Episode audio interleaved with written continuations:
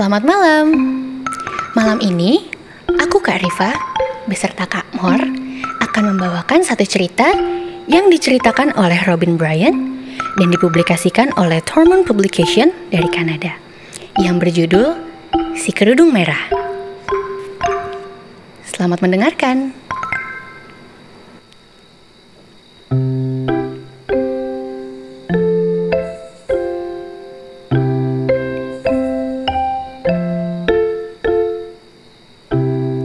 Pada suatu hari, hiduplah seorang gadis desa di dekat hutan. Ia bernama Amanda. Ke mana pun gadis itu pergi, ia selalu mengenakan kerudung berwarna merah, sehingga orang biasa memanggilnya si kerudung merah.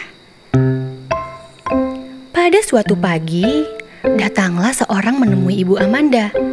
Ia membawa sepucuk surat. Aduh nak, nenekmu sakit kata Ibu Amanda setelah membaca surat itu. Kalau nenek makan sup buahkan ibu, sebentar saja ia akan sehat kembali.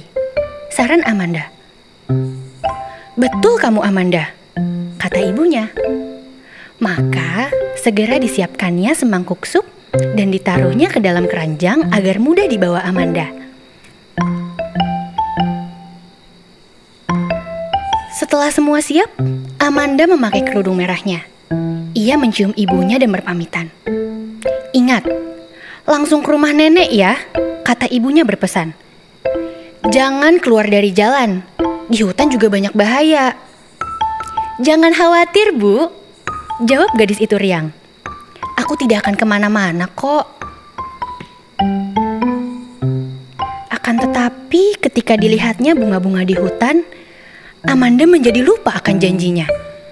Ia memetik beberapa kuntum di sana dan di sini. Tak lama kemudian, ia sudah berada jauh dari jalan. Ia tidak menyadari adanya seekor serigala. Akhirnya, sampailah ia di tempat penebang kayu. Hai kerudung merah, sapa orang itu. Untuk apa kamu di hutan sendirian? Aku memetik bunga untuk nenek, jawab Amanda. Nenekku sedang sakit. Bagus, bagus. Tetapi sekarang sebaiknya kamu kembali ke jalan. Ada serigala yang berkeliaran di sekitar sini, kata si penebang kayu. Dengan diantar si penebang kayu, Amanda kembali ke jalan. Tetapi tak lama kemudian, Amanda melihat kupu-kupu. Diikutinya kupu-kupu itu dan lagi-lagi ia keluar dari jalan. Tiba-tiba muncullah serigala itu. Hai kerudung merah, kata serigala. Sedang apa kamu di sini? Rupanya serigala telah mendengarkan pembicaraan si penebang kayu dengan Amanda. Aku mau pergi ke rumah nenek, jawab Amanda.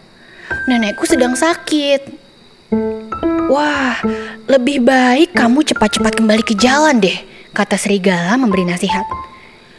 Sebaiknya kamu kuantar sampai ke jalan. Kamu tidak tahu ya, di daerah ini ada seekor serigala jahat yang suka berkeliaran. Hah? Seperti apa serigala itu? Tanya Amanda. Wah, serigala itu bertelinga ungu panjang sekali. Tetapi, di mana rumah nenekmu? Tanya serigala. Amanda memang agak bandel tetapi ia tahu kok sopan santun. Maka pertanyaan serigala itu dijawabnya baik-baik dan diberitahukannya tempat kediaman nenek. Amanda meneruskan perjalanannya ke rumah nenek.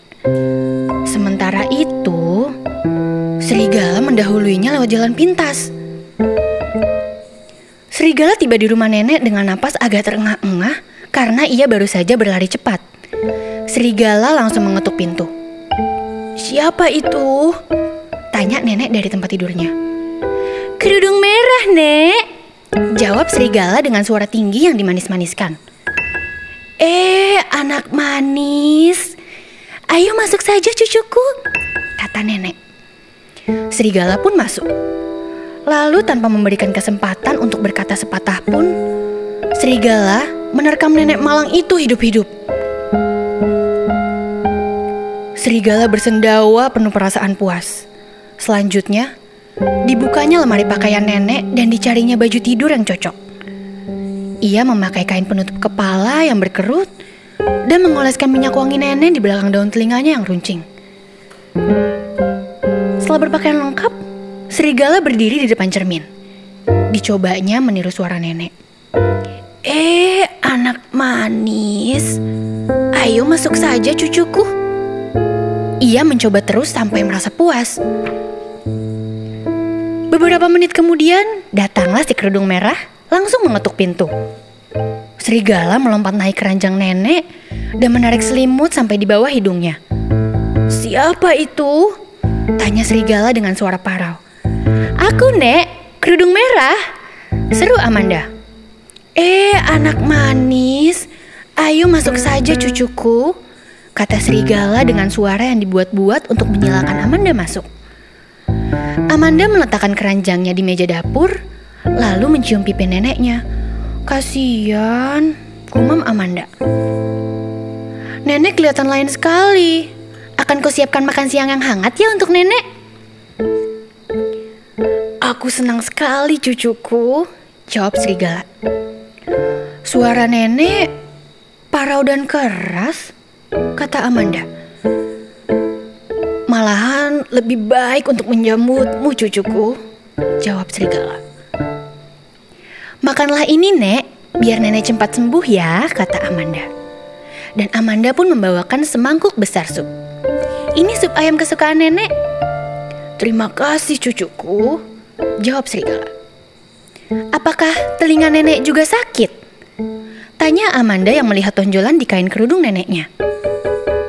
Mungkin sedikit bengkak, jawab serigala. Malahan lebih baik untuk mendengarmu manis. Tetapi ketika serigala berkata begitu, baju tidurnya melorot sehingga kelihatanlah moncongnya. Astaga! Gigi nenek begitu besar. Malahan lebih baik untuk melahapmu cucuku, jawab serigala dengan mengaum. Dalam sekejap mata, gadis itu sudah menyusul neneknya di dalam perut serigala.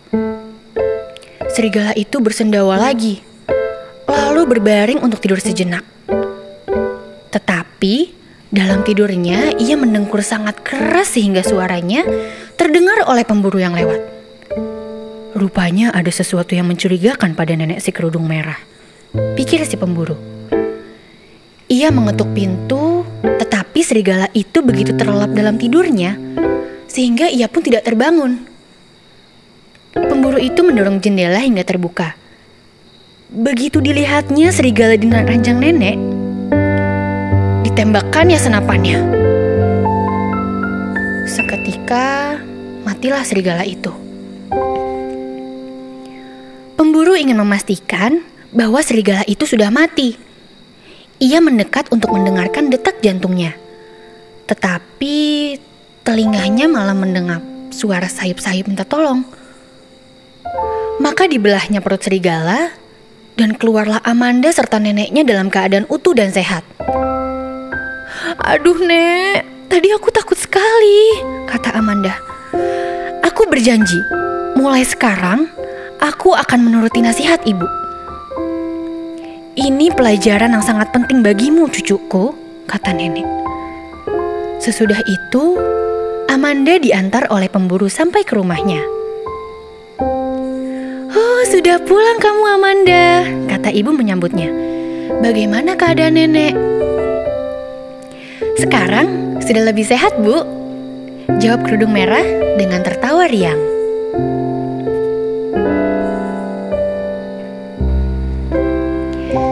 Jadi, pesan moral yang bisa diambil dari cerita ini adalah yang pertama, kita boleh berkenalan dengan orang asing, tetapi tetap waspada untuk memberikan informasi personal kepadanya.